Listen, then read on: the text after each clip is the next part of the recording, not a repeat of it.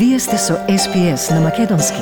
Слушнете повеќе прилози на sps.com.au козацрта на Седонин. На програмата на македонски јазик на СПС радио со вас е Маргарита Василева. Група европски министри се согласија да основаат агенција како дел од напорите за ревизија на нефункционалниот систем за азил на Европската Унија. Тоа е дел од притисокот од Франција за подобра поддршка на мигрантите кога ќе пристигнат и сега е формиран Шенгенскиот совет за да креира важни политики. Поопширно од прилогот на Стефани Косети за SBS News.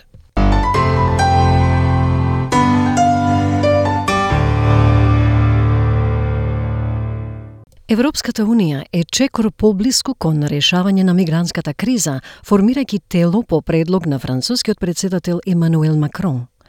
Тоа ќе вклучува поддршка на нациите од Европската Унија кога ќе пристигнат мигрантите и така наречен принцип на солидарност, каде што земјите треба да прифатат баратели на азил или да понудат финансиска поддршка. Францускиот министер за внатрешни работи Жералд Дармано вели дека е важно полека да се обновува довербата. Идејата, вели тој, беше да се смени методот затоа што стратегијата се или ништо досега главно не водела кон ништо и немало движење напред за која било од земјите ниту пак за Европската Унија.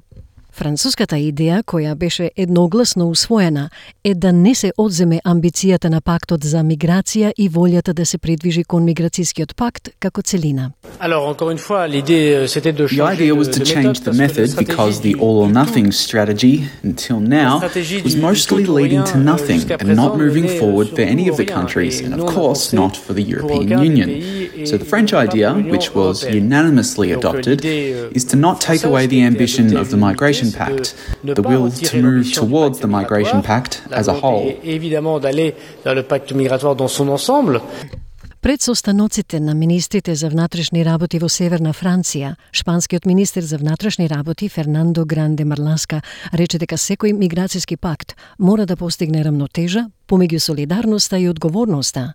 Шпанија од секогаш имала активна позиција насочена кон разбирање и дека миграцијскиот пакт е многу важен за целата Европска Унија, изјави Марласка.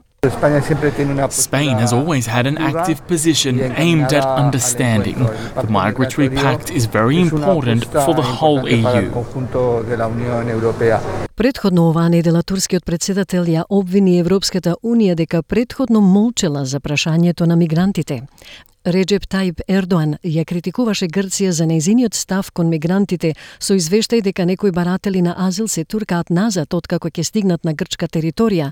Тој го наведе случајот со 12 мигранти кои биле оставени да замрзнат до смрт, нешто на кое тој вели Грција е навикната. Her şeyden önce 12 tane First of all, watching on as 12 people freeze to death, this is not something that can be accepted or stomached. But we are not seeing this stance from Greece, which has become accustomed to it for the first time.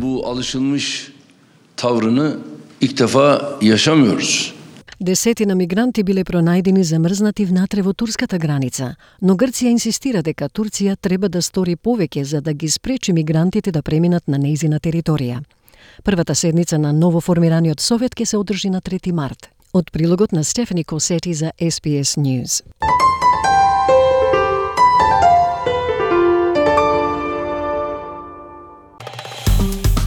Стиснете, ми се допаѓа, споделете, коментирајте. Следете ја SPS на Македонски на Facebook.